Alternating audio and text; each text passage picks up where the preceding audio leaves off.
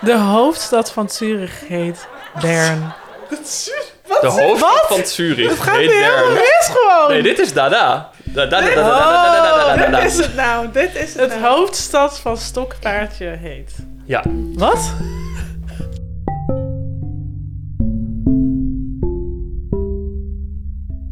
Je luistert naar Het Zijspoor, een podcast van de Internetgids. Mijn naam is Simone Atangane Bekono en mijn co-host is Romy D. Winkel. Hallo. Romy en ik praten in onze vriendschap vaak over tekst en beeld, waarbij ik juist meer associatief te werk ga en Romy heel erg kan inzoomen op details. Op basis van dit type gesprek hebben we het zijspoor bedacht, waar we in elke aflevering een schrijver uitnodigen om met ons in gesprek te gaan over een door hen gekozen woord. Romy en ik duiken vervolgens in de krochten van het internet en onze boekenkast en zoeken zoveel mogelijk teksten die op het gekozen onderwerp voortborduren. We zullen zo meteen de meest opmerkelijke vondsten presenteren, maar eerst onze gast van vandaag. We zitten hier namelijk met z'n drieën boven Atheneum Boekhandel aan het Spui in Amsterdam met onze gast, dichter en poëziecriticus Obe Alkema. hallo. Hallo Obe. Obe publiceerde twee poëzieglossies en daarbij zeg ik meteen de enige poëzieglossies die ik ken. In 2018 verscheen de eerste glossie getiteld Obelisk in Millennial Pink en in 2022 verscheen er een editie in Lavender Purple. In juni 2023 verscheen zijn laatste chapboek Genante Nabestaanden en op dit moment werkt hij aan het eerste deel van zijn autobiografie. Welkom Obe, fijn dat je bij ons aanschuift. Het onderwerp dat jij hebt gekozen voor dit gesprek is het woord en de stad Zurich. En daarbij wil ik meteen benadrukken dat het om de Zwitserse stad Zurich gaat en niet om het Friese dorpje. Waar ik wel bij nader eh, onderzoek eh, gelezen heb dat er heel veel Zwitserse bezoekers naartoe komen elk jaar. Maar wat heb jij met de Zwitserse stad Zurich? Ik denk dat ik eerst iets moet vertellen over het Friese dorp. Omdat dat... eh, ik ben heel dicht bij dat dorp opgegroeid. Ehm, ik ben aan de andere kant van Harlingen opgegroeid. En Surg, zoals het in het, eh, in het Nederlands slash Fries heet, ligt ten zuiden van Harlingen. En ehm, dat, eh, dat is ook wel regelmatig in mijn dromen zijn die twee steden met elkaar verwisseld. Of in ieder geval het dorp en de stad zijn met elkaar verwisseld. Er liggen meer sporen voor mij in Zurich dan in Surg. In Surg heb ik volgens mij leren biljarten. Maar in Zurich ben ik ehm, zo'n vier jaar geleden met een vriend van mij... eh, zijn we er naartoe afgereisd om een expositie te bekijken. En hebben we een heerlijk lang weekend gehad. En toen ik eh, deze uitnodiging kreeg, vroeg ik eigenlijk aan hem van... Ja, wat, eh, waar moet ik het eigenlijk over gaan hebben? En dat was het eerste wat hij zei. Hij zei Zurich. Toen dacht ik, ah, dit is perfect. Omdat ik dit ook nog in mijn autobiografie wil eh, verwerken. En ik had er nog geen vorm voor gevonden. En toen dacht ik, dit is eh, perfect. En heb je eh, verder soort van naast, wat denk ik de meeste mensen van Zurich weten, kennis opgedaan over de stad? Of is dat... Nou ja, het is eigenlijk voor mij alleen een. eh, het is voor mij eigenlijk alleen het decor van dat lange weekend. En ehm, de expositie die we daar gezien hebben. En eh, de etablissementen waar we verkeerd eh, hebben. Dat, het was allemaal. Het is één grote heerlijke herinnering eigenlijk voor ons. En ik had me eigenlijk ook niet heel erg voorbereid op dit gesprek. Omdat ik dacht. Ja, jullie komen wel met het materiaal waar we mee aan de slag gaan. Maar ik heb me toch nog even een beetje verdiept. En toen dacht ik. Oh, dit is eigenlijk allemaal dingen die ik niet wist en wel misschien zou moeten weten. En eh, ik ben ook benieuwd wat jullie, eh, in hoeverre dat overeenkomt, eh, onze beide onderzoeken. Dat ik dacht, oh, dit is, eh, er zit toch meer in dan ik van tevoren gedacht had. In Zurich, ja. Het is een soort intuïtieve fascinatie ook geweest. Nou ja, het is vooral een ego-decor voor Ja, mij. Ja. Het is Ja. dus ook eh, het is een hele egoïstische keuze geweest van mij om het hierover te hebben. En eh, ik ben benieuwd eh, wat we daaraan gaan toevoegen. nou dat kan ik je vertellen over. Oh, Ehm, nou, ik heb dus voornamelijk DBNL afgestaan, maar ook andere websites. Ik ga eerst even iets zeggen over de etymologie van Zurich.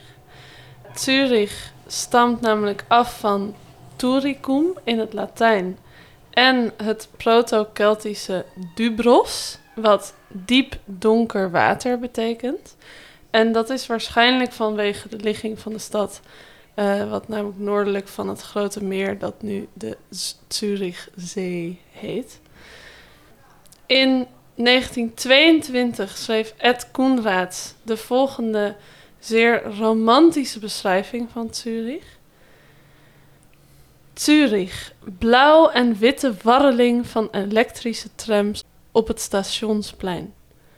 Gele herfstzon op het asfalt van de Bahnhofstrasse, die wijd open de reizigers wilde opzuigen in zijn grootsteedse winkelstraatgezelligheid. Taxis cirkelden rondom het goedige standbeeld van Alfred Escher, die nog altijd met zijn domme rug de aangekomen reizigers half belette huns weegs te gaan. Getoeter van auto's, wat druk en nijdig gebel der vieve blauw-witte trams, maar toch, hoeveel gezelliger, eigener was het, hoeveel liever en heimeliger dan dat rauwe Hollandse zeehavengedender in Rotterdam. Rotterdam Slender dus. Het is gewoon keiharde Rotterdam Slender in 1922. Dan even wat fun facts over Zurich. De Zwitserse architect en schrijver Max Frisch, Alain de Botton en de baanwielrenner Armin von Buren, die wellicht de inspiratie is geweest voor de naam van Slans grootste DJ, of in ieder geval een van Armin van Buren, zijn allemaal geboren in Zurich. Lenin verbleef voor een lange tijd in Zurich. Het Dadaïsme is ontstaan in Zurich met als belangrijkste ontmoetingsplek de artistieke nachtclub Cabaret Voltaire. Naast Thomas Mann ligt ook James Joyce begraven in Zurich en schreef het eerste deel van Ulysses daar, waarover Cyril Offermans in zijn gebundelde essays uit 1983 het volgende schreef. Dat Joyce in zijn experimenteerlust werd gestimuleerd door het karakter van de stad waarin hij het eerste deel van het boek heeft geschreven, door Zurich, is niet onwaarschijnlijk. Zurich was toentertijd de meest cosmopolitische stad van Europa, wijkplaats van artistieke en politieke ballingen. Op een meer persoonlijke noot heeft mijn vader voor mijn geboorte een tijd in Zurich doorgebracht. En toen wij jaren later samen wat oude vrienden van hem gingen opzoeken, heb ik daar mijn allereerste paniekaanval ooit gehad. Kortom, er is heel wat te beleven. En wat mij eigenlijk meteen opviel tijdens het struinen op DWNL, is dat niemand vaker naar Zurich lijkt afgerezen te zijn dan de journalist en criticus Willem Oltmans. Een vrij controversieel figuur die aan het eind van de vorige eeuw zeer actief was, onder andere op het gebied van complottheorieën over de moord op de Amerikaanse president John F. Kennedy. En in zijn memoires, die in maar liefst 76 delen is uitgegeven bij Papieren Tijger, staan er honderden beschrijvingen van zijn tripjes naar Zurich. En ik zie Owe knikken. Dit wist jij. Nee, dit wist ik niet. Maar ehm, in die vriendschap, die vriend met wie ik naar Zurich geweest ben, is Willem Oltmans eigenlijk een terugkerende figuur. Nou, Echt? Dus dat, Wat grappig. dat is eigenlijk dat is heerlijk. En volgens mij zijn ze nog steeds bezig om die dagboeken uit te geven. Er verschijnen, het wordt opgedeeld in tweeën elk jaar. Ik weet eigenlijk niet waar ze zijn. Ik, eh, ik moet er nog aan beginnen, maar eh, dat, eh, dat heeft nogal wat voet in de aarde, omdat het nogal een werkje ja. is. Dan, dan, 76. denk ik. maar dan moeten jij en die vriend van jou ook bekend zijn met dat legendarische interview met Adriaan van Dis. Hij wel, ik niet. Ik ben, eh, ik ben vrij eh, eh, slordig in mijn, eh, Willem Oltmans In mijn lore. In mijn lore. Ja, ik ken wel het, eh, het, de, de, onge, de ongeknipte versie van dat hij bij Dit Was Het Nieuws zat. En eh, het format niet begreep. En Ja, dat iedereen de, ook, de, ja. het bloed onder de nagels vandaan haalde. En alleen maar mensen aan het beledigen was. eh, eh, in het bijzonder eh, de enige aanwezige vrouw. Maar wederom ook, gelukkig is het niet geknipt. Want daardoor is er meer iconisch materiaal beschikbaar. Ja, ja. Ja. Ja, ken jij het interview met Adriaan van Dis? Of Nee. van dit was... Oké, nou ja, dat wat Oben net over Dit Was Het Nieuws vertelt... transporteer die attitude, zeg maar, naar een diepte-interview over een boekje dat hij had geschreven na meerdere, volgens mij, ontmoetingen met Daisy Bouterse ten tijde van alle ongeregeldheden in Suriname in, in de jaren 80, eind jaren 80. En hij wordt dan geïnterviewd door een veel jongere Adriaan van Dis, die dat boekje niet heeft gelezen. Ehm, en hij. Maar goed, hij hij is dus. Hij wordt een beetje beschuldigd door Adriaan van Dis, omdat hij dus niet. In, hij kan niet op de inhoud ingaan van dat boekje. Dus hij begint een beetje over van. Ja, jij, jij zit thee te drinken met allerlei dictators. Want Willem Oltman is dan ook als een van, volgens mij, enige Nederlandse eh, journalist ooit bij Sukarno eh, Ja. langs geweest en zo. En die probeert hem dan een beetje op een soort omslachtige manier uit de tent te lokken, zodat hij het niet zelf eh, inhoudelijke vragen over het boekje hoeft te stellen. Daar heeft hij het later dan ook nog over in Zomergasten, volgens mij met Sonja Barends. En Willem Oldman die heeft hem dus meteen door. En die begint hem dan totaal te fileren. En het is ook duidelijk, hij heeft, hij heeft volgens mij dan gedronken. Ik heb het ooit met Joost Omen gekeken. Hij, heeft, hij is dan dronken en Adriaan van Dis onvoorbereid. En dat blijkt een zeer explosieve combinatie te zijn. Ook een hele goede combinatie. Ja, eh, ja. ja. Het, op taalniveau, je moet het maar eens kijken. Het is, er gebeuren hele interessante... Zeg maar, de manier waarop, waarop men eh, elkaar uitdaagt... is wel op taal... Op, ja, zeg maar echt heel interessant. Hm. Maar goed dat ik geen research gedaan had, want dat was ik hier waarschijnlijk achtergekomen. Ja, En nu heb ik iets om. eh, nu, krijg, nu krijg ik huiswerk mee naar huis. ja, het is maar een half uurtje. Je kan het in de trein naar huis Ja. kijken. Ja. En ook op DBNL gaan. eh, Ja, DWNL. Nee, maar echt, DWNL staat, als je dus Zurich opzoekt, staat, ik wil bijna zeggen 80% Willem Oltmans. Dat is echt, heel bizar, ja. heel veel. En nou, wat hij dan onder andere daarover deelt, want ik was natuurlijk ook wel benieuwd, wat heeft die Willem Oltmans nou met Zurich? Dat wordt mij helemaal niet duidelijk. Dus hij gaat daar gewoon heel vaak heen. En dan schrijft hij eh, in die memoires dus steeds, of waar hij dat fragment geschreven heeft, en dan staat er heel vaak een Swiss Air Flight naar Zurich. En ook geregeld een Swiss Air Flight naar Zurich, Warschau en Moskou, waar dan dus die tussenstops zijn. En soms vliegt hij door naar Moskou. En zo. Dus hij is gewoon een heel cosmopolitisch figuur. Ja, maar hij zat ook veel in Moskou, volgens mij. Ja, precies. Ja, maar precies. dus ook, ook in Zurich, maar het wordt me dus nog steeds niet duidelijk wat hij daar doet. Maar goed, hij komt dus uit een heel rijke familie. Trouwde eerst met de eveneens goed bedeelde erfgename van een hoge pief bij een oliemaatschappij. Tot hij het huwelijk afkapt vanwege zijn geaardheid. In 1967 ontmoette hij toenmalig model en de 20 jaar jongere Peter van de Wouw. En deze ontmoeting beschrijft hij als volgt, ook in die memoires. Op 19 mei 1967 liep ik in Amsterdam op straat tegen Peter van de Wouw, toen 21, uit Brabant aan. De ontmoeting sloeg bij me in als de bliksem, als een dubbele voltreffer, zowel op mijn geest als op mijn seksualiteit. Na een gezamenlijk bezoek aan de herensauna Alwaar we in een intense omstrengeling een lading overtollig zaad loosten, begonnen we pas aan onze eigenlijke eerste ontmoeting. En dan heeft hij een soort heel romantisch verhaal over die ontmoeting. En later, in dus dat vliegtuig naar Zurich, dan zit hij te mijmeren of Peter ook zonder hem naar die sauna zou gaan. En dat zou hij als heel kwetsend ervaren. En dan schrijft hij ook. Een man zit af vanaf Zurich naar me te staren met verlangogen. Klein donker, een sikje, niet te oud. Maar ik voel me naar binnen gekeerd en sta voor niemand open. Dus zijn liefde voor Eh, die Peter van der Wouw heeft hem helemaal Ja. monomaan gemaakt.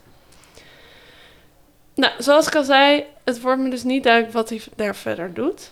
Ja, het merendeel van de nou ja, manier waarop Zurich in de literatuur in Nederland voor, voorkomt, komt dus van zijn hand.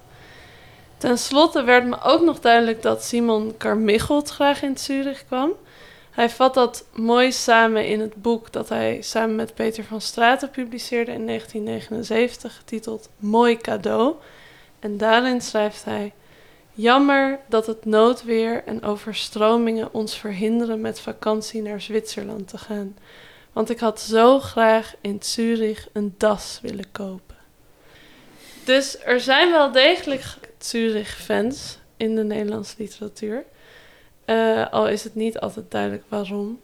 Ehm, wat mij opviel is dat voor zover ik kon vinden er geen tot weinig romans zijn geschreven die zich afspelen in Zurich. Maar dat kan ook liggen aan mijn onderzoek. En dat het dus voornamelijk in een soort autobiografische context genoemd werd, of echt puur als bronvermelding. Maar het is wel, wat ik wel heel grappig vind, is dat die toevalligheid met die vriend, waardoor jij eigenlijk in eerste instantie bent gaan verdiepen in Zurich, of wil gaan verdiepen in Zurich, dat die Oldmans daar dus eigenlijk ook al in zat. Dus dat is wel een grappige toevalligheid. Ja, zo kwam ik eigenlijk heel veel toevalligheden tegen. Jij zei eh, net dat, er, dat je geen boeken kent waar Zurich het decor van is. Ik, ik ben zelf ook geen romans tegengekomen. Er is wel een boek. ehm, dat is eh, Een passie voor Zurich. Dat is de titel. En dat is eh, een boek van Gerda Meijerink. De, de Germanist en, en vertaler van onder andere Pascal Mercier Hm. die ehm, volgens mij zo'n acht jaar geleden overleden is. En dat is een boek dat in de jaren negentig was aangekondigd en nooit verschenen is. En ook nog niet postuum verschenen is. Het was deel van een grotere reeks, een soort een passie voor, puntje, puntje reeks. En zo, eh, ehm, zo ben ik dat, mede ook door die vriend, op het spoor gekomen. Alleen, eh, ja, dat boek bestaat dus niet. En is nog niet, eh, of in ieder geval misschien bestaat het wel, maar het is niet uitgegeven. Er is ook niks over te vinden. Misschien ook dat je daarom niet tegenkwam. Google geeft geen enkel resultaat. Ook geen uitgeverij die het zou uitgeven? Nee, nou ja, in de jaren negentig, eh, dus ik weet niet waar. En eh, ja, misschien is dat manuscript nog ergens. Dat, heeft, dat heeft Maxime Februari misschien nog wel in de archieven zitten. Maar daar is eh, jaren geleden ook brand geweest. Dus misschien is het manuscript ook wel verloren gegaan. Dat, eh, ik kan me daar helemaal in verliezen door daarover te fantaseren van... Ja, Ja. waar is dat boek? Wordt Ja, het toch een soort eh, detective Ja, podcast? precies. Ja. Precies, Ja. ja, zeker. Met, ja, maar dus dat, met, dat klopt ook helemaal met... Dit is even een zijsprong hoor. Dit heeft niet zo heel veel te maken met mijn... Maar ik zag dus dat Zurich wel vaak... Bijvoorbeeld ehm, in The Born Identity is dat een, een van de steden geweest waar is opgenomen. Dus het is volgens mij ook een stad die voor eh, grotere Amerikaanse blockbusterfilms die zich in Europa afspelen wel heel erg zo Europa is. Ja, het is ook het financiële hart van Ja, Zwitserland. precies. Ja. Ja. Ja, Ja. Maar ik vind dat wel interessant. Ook een van mijn favoriete filmreeksen trouwens. Ja, The Born. Interessant, Cycle, ja, ja. Ook, van- ook van mij namelijk. Ehm, eh, dit is wel de jaren tachtig versie. Dus niet met Damon. Oh, dat is... eh Dat ja, is wel nadeel. jaren nul, eh, ja. ja. Want daar had... Dat is... Nou ja, maar net. Nou, de boel verkeelt hier ontzettend op. Totaal niet. Nog meer huiswerk. De jaren tachtig eh, variant. Ik wou zeggen. Volgens mij is, is een bekende plek waar ze hebben gefilmd de Paradeplatz.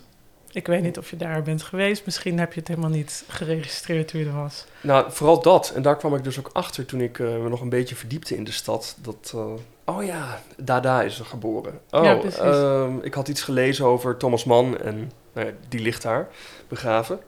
En zo kwam ik steeds meer tegen glas- en loodramen van Marc Chagall en, en ehm, een villa van Le Corbusier. En, en dat heb ik allemaal destijds niet gezien. Oh ja. Nou ja, eh, stuk voor stuk redenen om terug te gaan natuurlijk. Het klinkt, ik vind inderdaad die, die eh, bezienswaardigheden die je net beschrijft. Ik vind het Ja. wel de moeite waard. Ik kan me voorstellen dat het in de lente of zomer Ja. geweldig is. Ja, want ik was in het najaar van 2019, dus voor eh, de, dat de pandemie echt losbarstte. En ehm, wij zijn specifiek voor een expositie gegaan. Het was een expositie over AIDS en eh AIDS-activisme, AIDS-kunst. Het grappige, eh, grappige is, is dat eh, met deze vriend ben ik vorige week naar de Martin Wong-expositie Hmm. in het Stedelijk geweest. Mhm. En toen, zo kwamen we erachter dat, zo kwam ik erachter, hij wist dat, hij herinnerde zich dat wel, dat twee van de werken die nu op zaal hangen in het Stedelijk ook in die expo te zien waren. Ah, dus toen, toen Ja. dacht ik alweer van, nou, er is weer een laag bijgekomen. Het, de knoop, de kluwe wordt steeds eh, dikker en onontwarbaarder en lekkerder daardoor ook. Dus dat, eh, daar, daar zijn we eh, voor afgereisd. Het was een hele mooie expositie. Voor de rest hebben we daar niet heel veel gedaan. We hebben in een heerlijke gaybar gezeten, eh, de twee avonden. En we hebben in een, in een soort centrale restaurant, in een soort, nou ja, het was haast een soort, echt in zo'n hal met, met als, haast een kerk met, met hele hoge plafonds. Een, een grote open ruimte, een soort mensa. Waar, we, waar we gegeten hebben. En eh, eh, het zat vol, dus we werden aan een, aan een tafel gezet waar, waar iets van vijf, zes, zeven eh, bonkige Zwitserse mannen Oh. bier aan het drinken waren en aan het eten waren. Dus, dus nou ja, we hadden ook een, een uitzicht om van te genieten. Dat, het, was, ja, het was heerlijk. Het, ja. Oh, Dus misschien was er ook helemaal geen ruimte voor verdere artistieke interesses. We hebben gewoon genoten daar. Ik ga een ticket boeken, jongens. Ja. Ik En het is heel Nou, makkelijk om met de Ja, trein ik heen te gaan. zeggen, gaan we Nee. met de Heer- trein? Ja. ja. Je gaat een Treinticket. boeken. Treinticket. Nachttrein naar Zurich. hey, en ik zie ook meteen een boek. Want ik vind... Jouw dat- passie. Ja. Mijn, ja, dat is duidelijk mijn pa. nou ja, maar ik vind het wel echt vreemd dat ik dus geen roman heb kunnen vinden dat zich daar afspeelt. Of een gedicht of iets dergelijks. Gewoon niks. Ja, maar ook dus dat Zurich dus niet per se bekend staat als die stad van bijvoorbeeld... Tenminste, niet, niet dat... Ja, als wij hier alle drie niet per se op de hoogte waren voordat we hierover gingen eh, nadenken... dat Zurich dus een soort van op kunstniveau voor de, voor, de, voor de oorlog, voor de Eerste Wereldoorlog, denk Ja. ik... eh, zo'n belangrijke soort van culturele stad was. Dat vind ik ook zo interessant. Ja, en dat ook een deel van de eh, surrealisten daarheen zijn getrokken tijdens de oorlog of daarna. En ja, nou ja, wat is die Cyril Offermans ook schrijft, dat het echt een wijkplaats van artistieke ballingen was. Maar die, ik zie inderdaad heel erg een soort corporate, Ja. rijk leven vormen. Ik weet dus ook niet of Zurich dan toen al neut- neutraal was. Ja. Oké. Ja, want dat klopt daar natuurlijk dan wel mee. Terwijl nu staat die neutraliteit op een bepaalde manier natuurlijk ook heel erg voor het soort van vergemakkelijken van het stallen van grote hoeveelheden zwart geld en zo. Maar daar hebben we het nog over. Ja. Daar gaan we het nog over hebben. Ja. Eh, hey Simone, jij hebt ook allemaal dingen gevonden. ik heb ook wat dingen gevonden. Ik moet wel zeggen dat, ehm, zoals ik onderzoek doe, ik wijk altijd een beetje af van waar het eigenlijk over gaat. En met Zurich gebeurde dat vrij intens. Ehm, dus ik ga jullie meenemen op mijn reis Spannend. over het Zurich. Ik wist dus echt heel weinig over het Zurich. En de dingen die ik wist was dat het dus de hoofdstad is van Zwitserland. Het is niet de hoofdstad van Zwitserland. Sorry. Dat is Bern. Het heeft zich wel ooit aangemeld om hoofdstad te worden van Zwitserland. En toen Met zei Bern, ik dacht het niet. Bern en volgens mij Luzern ook nog. En toen is het uiteindelijk Bern geworden. Ik ben alweer vergeten waarom Zurich het niet geworden is. Interessant. Wil je even opnieuw? Ja. Oké. Nee, dit is leuk. Ja. Kijk, we denken er even over na. Helemaal als eh, geboorteplaats van Dada, dan kun je er nu een paar jingles doorheen gooien. Om even... Ja, even.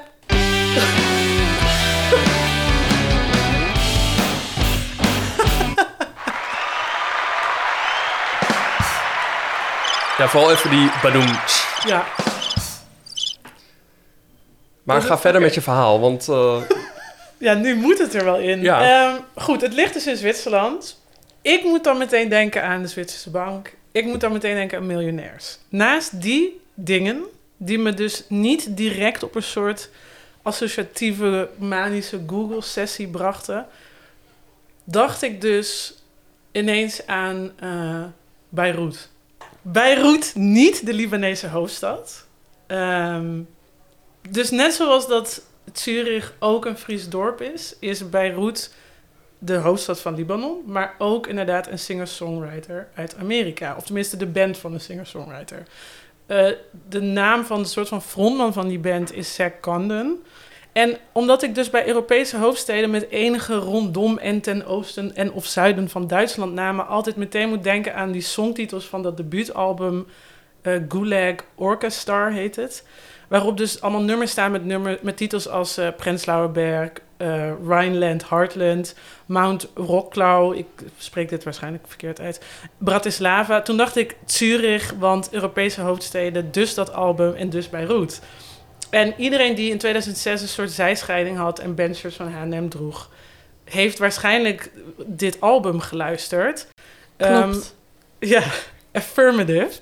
Um, van dus deze indie singer-songwriter die dus heel veel invloeden uit Oost-Europese volksmuziek uh, heeft gebruikt voor dat vrij iconische debuutalbum. Wat hij dus in elkaar heeft geflanst, grotendeels in een slaapkamer in een buitenwijk van Albuquerque, New Mexico. Um, dus ik ging daar weer naar luisteren en ik was heel erg in de war. Want ik dacht dus heel lang dat Beirut, of in ieder geval de zanger van Beirut, dus Zack Condon, dat hij gewoon, ik zeg nu gewoon tussen haakjes, Oost-Europees was. En daarom dit album maakte, zoals bijvoorbeeld Gogol Bordello, ook iemand, ook zo'n band uit die tijd, waarvan de frontman uit Tsjernobyl kwam en op zijn veertiende naar de VS verhuisde en heel duidelijk muziek maakte met invloeden uit die regio. Um, maar waarom noemde een man, een, een jongen die Zack Condon heet en in New Mexico opgegroeid, zijn band naar de hoofdstad van Libanon? Uh, en waarom maakt hij een super melancholisch Balkanvolk in geïnspireerd popalbum? Nou, in Magnet Magazine, dat is een, een, een uh, popmagazine wat volgens mij niet meer bestaat, werd hij in 2007 zelfs de Gypsy King genoemd.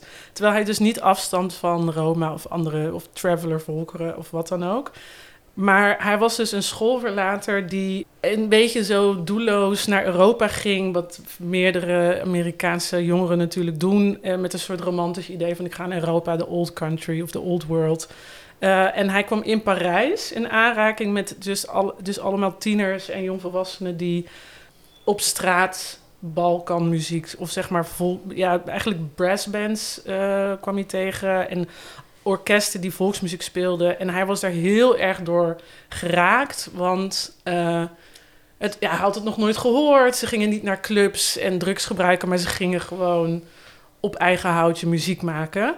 Um, nou, de rest is dus geschiedenis met betrekking tot het album. Het heeft vrij weinig met Zwitserland te maken. Zurich wordt nul keer op het album genoemd, wat ik een gemiste kans vind. Maar Zurich, ook Zwitserland heeft volksmuziek. Dat was een soort van de connectie. maar, um, ja, ja. maar ik vond het wel, wat jij net zei over jouw ervaring daar. Dus een soort, wat jij, het decor van jou, soort van, hoe noemde je het? Een ego. Ja, zo'n uh, zo woord dat ik, van, uh, dat ik in een column van Bas Heijnen tegenkwam. Ego-decor. Prachtig, Dankjewel Bas Heijnen, ja. ja. Uh, dus dat, dat, daar moest ik ook hier aan denken van... Het, geeft, het, heeft, het is allemaal decor voor zijn soort van nostalgische, melancholische sensibiliteiten... die hij over probeert te brengen via die muziek. Maar we gaan verder. Dus nadat ik dus... Nou, ik zat dus ergens zo bij Beirut en toen zat ik met de Balkan... en toen moest ik ineens denken aan Brad Pitt die in uh, eh, 2000 in Snatch van Guy Ritchie overduidelijk heel erg ontzettend genoot, genoot van het duiken in een personage die een um, ja, gypsy was. Oftewel, eh, hij wordt ook Pikey genoemd, maar dat is een Brits scheldwoord voor mensen die tot de traveler-gemeenschap horen in het Verenigd Koninkrijk. Pikey is trouwens uh, in 1500, komt het al voor in de Britse vocabulaire als een soort synoniem voor dief. Dus dat mm. zegt heel veel over natuurlijk die reputatie die die gemeenschap heeft en had in het Verenigd Koninkrijk. In uh, Snatch wordt niet gesuggereerd dat travelers direct uit de Balkan komen. Dat is natuurlijk sowieso een soort van heel lastig te definiëren, uh, die herkomst. En, maar er wordt een specifiek uh, traveler gerelateerde scènes wel, laat ik zo zeggen, Oost-Europees of Oosters aandoende muziek gespeeld. Wat de stereotype, mysterieuze en onbetrouwbare aura's van Brad Pitt's personage Mickey O'Neill en zijn gemeenschap zou moeten benadrukken. Dus je hebt twee Amerikanen, Zack Condon en Brad Pitt, en een Brit, eh, Guy Ritchie, die in hun kunstenaarschap beïnvloed zijn door voor henzelf authentiek aandoende marginale culturen uit Europa. Brad Pitt werkte voor de film aan een soort onherkenbaar accent. Een soort, denk aan extended familie van de Peaky Blinders. Wat de geloofwaardigheid van zijn personage uh, kracht bij zou moeten zetten. De link daarvan aan Zurich op taalgebied is de manier waarop Duitsers enorm kunnen afgeven op het Zwitserduits. Of in ieder geval het Zwitserse accent alleen al, waarmee er Duits wordt gesproken. Wat me überhaupt doet denken aan hoe er altijd en overal wordt natuurlijk afgegeven op provinciale uitingen van taal, dialect. Iets in mij zegt, ja, haten op Zwitserduits, uh, is een hartstikke rijk land. Het, het, wordt, het is natuurlijk niet het Hoogduits. Nee, dat is waar. En dat is de soort van gestandaardiseerde taal. En dat is, weet je, ook, ook spelling, uitspraak. Dus dat, weet je, dat is het ABN. Het is een beetje schiftend Duits. Is, ja. Dus ze vinden het, ze noemen het ook een soort lomp. Dat is, dat is ook, maar dat is ook interessant aan dat beige karakter van Zwitserland misschien. Dat het een soort, uh, ja, gewoon een soort slecht ontwikkeld, of niet eens slecht ontwikkeld, een soort raar klinkend. Hmm. Aangelengd aangelengde vorm van een prachtige taal was. Het kan natuurlijk ook een soort manier zijn om, win, om, om jezelf in een betere positie te manoeuvreren ten opzichte van Zwitsers die op allerlei andere vlakken wel ja, voordelig eh, gepositioneerd zijn. Net zoals dat mensen natuurlijk heel erg uh, grapjes kunnen maken over mensen uit het gooien met de aardappel in de keel. Dus naast die dingen, wat zijn andere overeenkomsten tussen Mickey O'Neill uit Snatch en Zurich? Zijn die er? Is de Zwitserse hoofdstad op de een of andere manier vergelijkbaar binnen het Europese historisch, politiek, culturele landschap met het afgetrainde, viesgenagelde, working class, charm hebbende personage in een misdaadcomedy van Guy Ritchie uit 2000? Nou. Ik vind het heel leuk dat je het, de Zwitserse hoofdstad blijft noemen. Ik blijf de Zwitserse hoofdstad noemen. Uh, deze... Wij houden daar gewoon aan vast. Ja, nu moeten we wel. Deze vorm van manifesteren, daar uh, kan ik het ik wel mee eens zijn. Ik ben voor Zurich als Zwitserse hoofdstad. ja, ik ook. Ja. ja. Dus ik ga het gewoon talking it into existence. You okay. heard it here first. ik schaam me gewoon.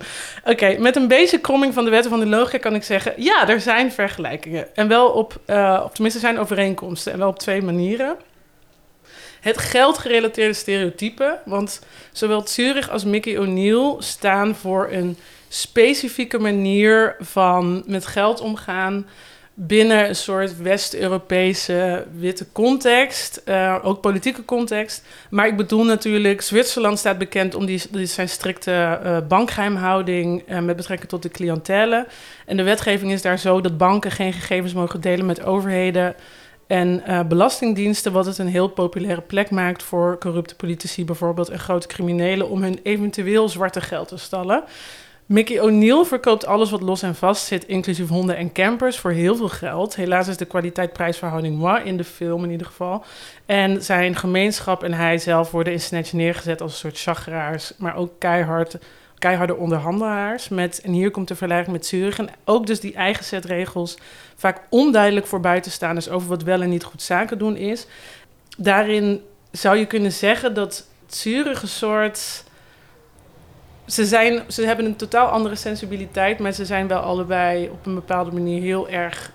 Uh, ze, ze, ze zijn bekend door Oké, ik moet het toch niet opnemen. Nee, nee, ik denk, nee, ik denk dat het niet nodig is. Oké. Okay.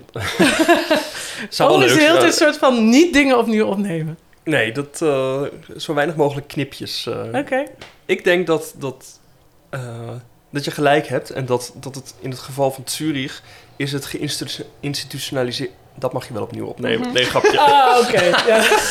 is het geïnstitutionaliseerd binnen de nazistaat, binnen ja. het soort van het soevereine Zwitserland en in het geval van um, Roma, Sinti, helemaal, of dat nou een, een al te sterk aangezet stereotype is of daadwerkelijk zo is, is het geïnstitu in, God.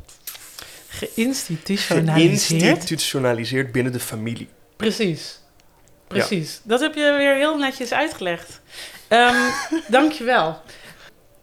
Het tweede punt is... Zurich heeft dus een rijke geschiedenis van eh, naast dus allerlei kunstenaarsbedrijvigheid, ook een soort eh, arbeidersbewegingen, politiek activisme, met bijvoorbeeld massaprotesten protesten die zelfs in de jaren 70 en 80 leidden tot gewelddadige confrontaties tussen linkse demonstranten en autoriteiten. En daar zit dus ook een overeenkomst met onze Mickey, want die gaat zeer slecht om met autoriteit. Heeft ook regelmatig confrontaties daarmee. Ehm, ik, ga, ik heb besloten geen synopsis van Snatch in deze onderzoeksresultaten te verwerken. Dus geloof me op mijn woord. Als je de film niet gezien hebt, je kan hem kijken. Ik weet niet of hij nog stand houdt. Eh, het is heel erg boys will be boys en boys will do crime. Ehm, het mogen dus duidelijk zijn. Zurich is eigenlijk een Amerikaanse steracteur. Aha. En nu hebben we even de hot take te pakken. Wat vind je er hot aan? Dat het zo'n zo twee ogenschijnlijk de dingen die weinig met elkaar Het is een zieke stretch, ja. Ja. Nou ja, en het is, dus, het is dus wel in ieder geval los van... Het is natuurlijk niet een Amerikaanse steracteur, het is een stad. Maar zoals ik zei, het is dus wel een soort plek die... Er zijn gewoon een, een significant aantal eh blockbusterfilms daar opgenomen. Omdat ik dus, wat ik dus interessant vind, omdat... Net zoals dat, zeg maar, denk, denk Frankrijk of Europa, denk Parijs. Denken volgens mij Amerikaanse filmmakers vaak. Maar dus ook Zurich, om een soort... Volgens mij ook om een soort koud Europees... eh, Zakelijkheid. zakelijkheid Ja. over te brengen, inderdaad. Met een soort grijstonen, weet je wel, over, over de film heen. En dan mensen die- helemaal natuurlijk als financieel hart van Europa. Precies. Zwitserland waar je... Ik weet niet hoeveel geld Brad Pitt er zelf heeft staan, maar... Maar Ove, jij vindt het eigenlijk geen hot take. Jij bent gewoon mee. Jij bent gewoon Zurich. Nou, dit was gewoon mijn eerste... Ik kwam veel meer vanuit... Mensen zeggen heel vaak dat iets een hot take is. En dan Mhm. vraag je even door en dan blijkt het eigenlijk wel mee te vallen. Ja, Eh, dus dat het meer een soort... ehm, tik. een tik, een prop in een gesprek is. Even de vraag die Simone stelt. Ehm, denk jij dat het antwoord daarop ja is? Nou, ik, ik vind het een interessante vergelijking. Zurich en een Ameri- Amerikaanse sterrenacteur. In de zin van dat... ehm, ik denk dat Zurich ook een bepaald... Dat, het is een soort Europees symbool, Europese stad. Er gaat ook iets universeels vanuit. Helemaal omdat het een soort financieel hart is. Ehm, misschien ook een soort van betrouwbaarheid dat het boven de tijd laat uitstijgen. Ehm, het is ook een cosmopolitische stad, dus daar, daar gaat iets heel eh, werelds van uit. En dat is, heb je eigenlijk ook zo met Amerikaanse acteurs. Die, Ja, die kunnen ook ja. alles. Ik bedoel, eh, Brad Pitt zou ook... eh, die zou elke rol kunnen spelen. Rollen die aansluiten bij zijn identiteit. En ook rollen die, die een identiteit impliceren... die lijnrecht tegenover de zijne staat. Ook een beetje van alle markten thuis. Dat is een beetje de... Ja, ik begrijp heel goed wat je zegt. In de zin ook van, eh, dat heb je wel vaker met van die Amerikaanse acteurs die ook een bepaald punt in hun carrière hebben bereikt waarin ze almost, weet je wel, bijna een soort van can do no wrong. En dat ze dan vaak in van die rollen terechtkomen, of tenminste van die rollen aannemen die heel erg gaan laten zien hoe ver zij kunnen gaan in het eh, duiken in een personage of het vertolken van een ooit bestaand eh, persoon. Alsof hun lichaam er ook niet meer toe doet of zo. Nou, dat blijkt natuurlijk wel uit, uit eh, Snatch... waar hij een zigeunerrol speelt. Precies, ja. Toen was hij wel nog jong, dus dit is 2000. Mhm. Ik denk dat hij toen nog gewoon zijn sixpack had van Fight Club. Ik ga er nu vanuit dat Ja, Fight Club maar, eerder... Ja. Het wordt gewoon een hele geile Ja, aflevering. oh, Guy Ritchie. You had me at Guy Ritchie. Ja, dus, eh, Ja, hij, wa- jij hebt nu een Madonna-petje op, hè? ja, ja, Ik bedoel Guy Ritchie en Madonna. Ja. ja, nu, Zie je, het komt allemaal samen. Het komt allemaal samen in Zurich, mensen. Ja. Wie had dat gedacht? Nee, maar ik hoor jullie zo praten en dan denk ik... Ik kan het wel volgen. Maar de... Je mist iets. Nou, dat altijd. Maar wat ik vooral opmerkelijk vind... is dat ik word geconfronteerd met mijn eigen connotatie van Mhm. Zurich. Voor dit gesprek. Wat veel meer uitgaat van een soort saaiigheid, laffigheid. Maar goed, misschien is dat ook precies waarom het zo eh, makkelijk eh, te vormen is naar allerlei rollen. Ja, dus, het, dus je bedoelt dat het ook een soort nondescripte... Ja, niets, nietsig. En ook misschien met, in associatie met eh, dat mensen dan zeggen van... eh, Maar dat komt denk ik door die neutraliteit. ja, precies. Dat wij dat associëren met een soort... Nou ja, daar zal dan ook wel nooit iets zijn. Nooit iets plaatsgevonden hebben. Ja. Mensen leven daar een soort zeer, zeer goed leven. Het is gewoon eh, duur. Duur en Het saai. is zo Ja. grappig dat dan Dada daar ontstaan is. Ja, Ja. En precies. in samenspraak met dat het een, het financiële centrum van Zwitserland is. Ja, Ja. Ik had zelf nog één associatie die ik nog niet verder benoemd heb. ja. Ik heb eh, een aantal jaar geleden een film gezien. Die, die film heet Nemesis. Is van de Zwitserse filmmaker Thomas Imbach. Was te zien bij, eh, bij ITVA. Het was in coronatijd, dus heb ik het vanuit huis gezien. En die film eh, is, een, het is eigenlijk meer een soort documentaire. Gefilmd vanaf, vanuit zijn raam. Hij, hij woont in, een- in, een, in een flatgebouw. Dus je, je ziet een soort panorama eh, over de stad eh, eh, uit, over Zurich. Waarbij een, een station, een, een, toch wel een historical landmark, wordt afgebroken. En de afbraak daarvan brengt hij in beeld. En wat er voor in de plaats komt is een gevangenis. Het, gaat er eigenlijk over hoe geschiedenis verdwijnt en hoe daar surveillance voor in de plaats komt. Van, van station naar Baaiers eigenlijk. Mm.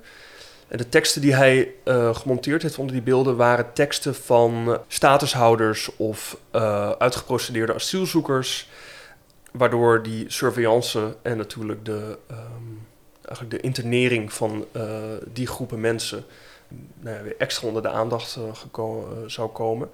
En dan moest ik me ook, moest ik ook herinneren dat, dat Zurich, eh, Zwitserland is ook een directe democratie, dus zij doen heel veel met bindende referenda. Eh, en onder andere dat eh, verbod op moskeeën, volgens mij een aantal jaar geleden, dat daar de, dat daar de, de, nou ja, de rechtse volksaard weer sprak. eh, door eh, massaal voor een verbod te stemmen. Ik kon even niet terugvinden of dat ook in 2020 was.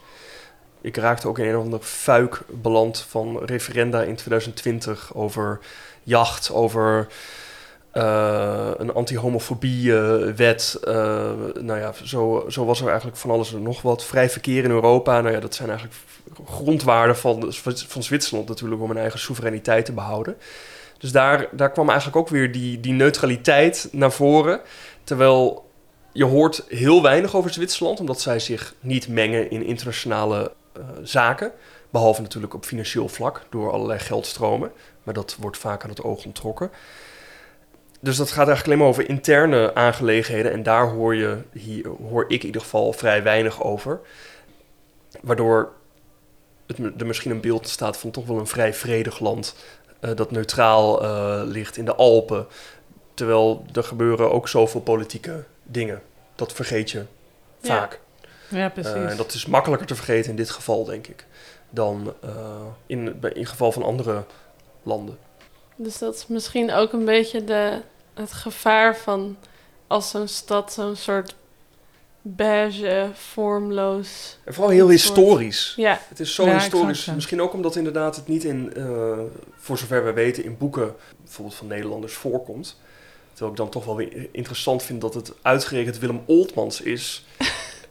toch wel een politiek schrijver. eh, Ja, absoluut, en, en met een staat van dienst, eh, nou ja, waar je ook wel u tegen mag zeggen.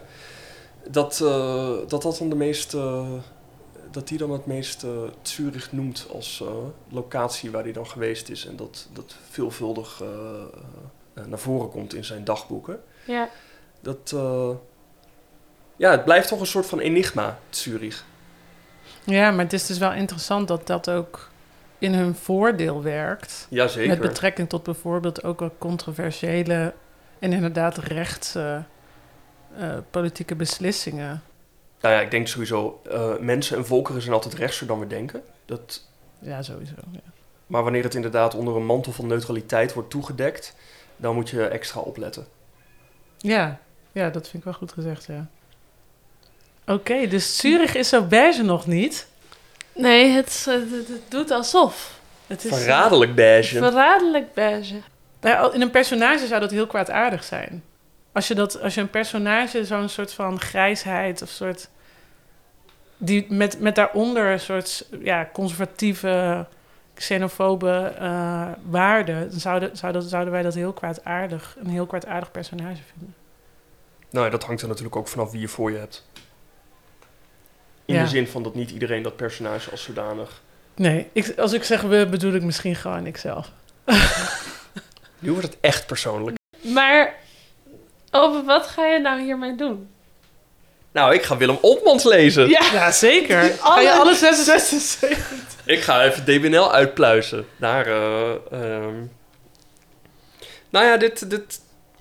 Omdat, het dus, omdat ik dus voordat ik, dit- ik met jullie in gesprek ging... het vooral een ego-decor was. En nu ehm, is het sowieso nog meer ego-decor geworden... omdat ik nog meer aanknopingspunten gevonden heb.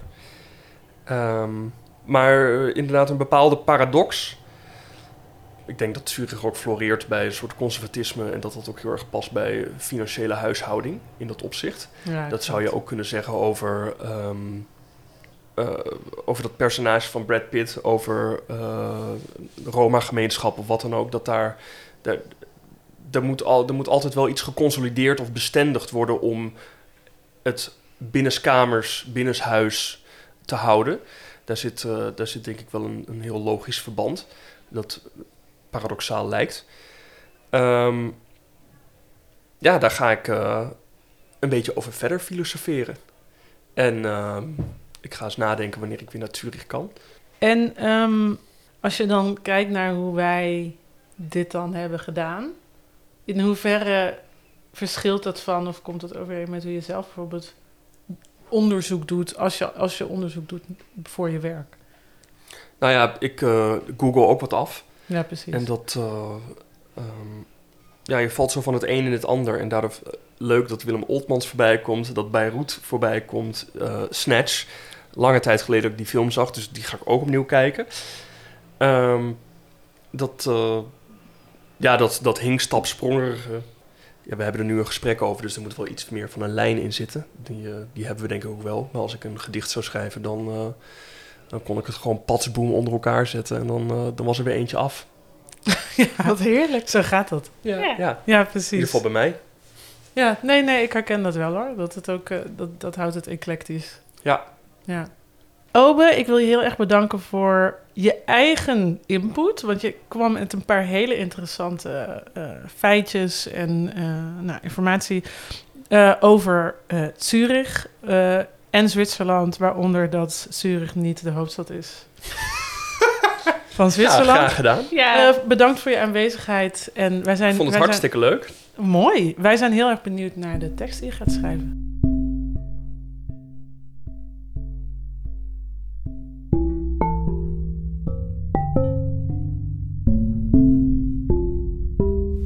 Last Minute Zurich. Op weg naar de afsluitdijk. De storm heeft het luchtruim boven Surg schoongeveegd, maar blijft doorgaan alsof er nog wat achtergebleven is. Ik doe hetzelfde met Zurich. Zelfde naam, iets andere uitspraak, bijna 900 kilometer verderop. We waren er maar een paar dagen in 2019, maar de stad heeft een indruk achtergelaten. De expositie waarvoor we kwamen, de gay bar met bigger than life figuren, de vreedschuur in het midden van het centrum, waar we aan een tafel met zes of zeven bonkige blonde Zwitsers zaten. Wat niet eigenlijk. Iemand uit de buurt, met wie ik sinds kort wat kunde heb en die wil dat ik hem domineer, noemde het een tourist trap. Komt dat even goed uit, want dat waren we ook. Hij vraagt: wat dacht je ervan als ik iets over Zurich schrijf en je gebruikt wat je nodig hebt voor je tekst? Dit is waar mijn persoonlijke ChatGPT mee kwam. Het meer, niet te ver, in zicht. De bergen. De luxe boutiques, niet al te ver in zicht. De banken. Linkse politici praten over sociale ideeën en voeren een politiek uit ten gunste van het geld. Een grote wannabe-metropool in een kleine wannabe-neutrale schuilplaats. Kunstenaars roken wiet, bankiers snuiven cocaïne, allemaal formeel illegaal, maar overal verkrijgbaar en geaccepteerd. Mensen van over de hele wereld komen voor de baan, voor het salaris. En ze houden van de natuur, het meer en de bergen, de drugs en het leven, op de een of andere manier. En ze blijven, vanwege de natuur misschien, vanwege de politieke stabiliteit misschien, vanwege de medicijnen misschien, vanwege het geld zeker. Neutraliteit geeft af en maakt vlekken die niet gemakkelijk te verwijderen zijn. Ieder van ons is een man met een vlekje. Het is het vlekje dat me interesseert. Check je vlekje. Vertel me drie details die ook degenen die er wonen niet kennen. Er zijn openbare fonteinen door de hele stad met een apart watersysteem voor het geval het normale watersysteem kapot gaat. Zurich voor mijn geestesoog, bezaaid met blinde vlekken. Waar rook is, is vuur. Er is me ooit verteld dat er onder het station van Zurich een metrostation gebouwd is, terwijl de mensen twee keer tegen de komst gestemd hebben. Omdat ze zeker wisten dat het gebouwd zou worden, waren ze al begonnen met de bouw. Ook is er één tunnel die al gebouwd was en nu door de tram wordt gebruikt. In een blinde vlek Buiten het bereik van het oog ligt een wereld verborgen, vol geheimen en wonderen. Image of een blinde vlek in het oog, opent in een nieuw window. Het is een plek van duisternis en schaduw waar niets is wat het lijkt. Het is een plek van mogelijkheden waar alles kan gebeuren. In een blinde vlek kan je dromen en fantaseren. Je kan creëren en ontdekken. Je kan jezelf vinden. Image of een dromende man opent in een nieuw window. Een blinde vlek is een plek van magie waar alles mogelijk is. Het is een plek van hoop waar alles kan gebeuren. Nog een interessant verhaal uit Zwitserland over de chocolade die je in het vliegtuig krijgt. De voorganger van Swiss Air deelde ooit als afscheidscadeau goudstaven gevuld met chocolade uit aan zakenpassagiers op Europese vluchten. Maar in 1997, in de nasleep van het Zwitserse debat over natiegoud, besloot het bedrijf de pralines te verpakken als kleine matterhorns. Een woordvoerder verzekerde Der Spiegel destijds dat de verandering uit eigen vrije wil, zonder druk van buitenaf, was doorgevoerd. In 2020 beëindigde de vliegtuigmaatschappij na tien jaar de samenwerking met de leverancier naar krantenkoppen als de chocoladekoning strijdt tegen abortus en homoseksuelen.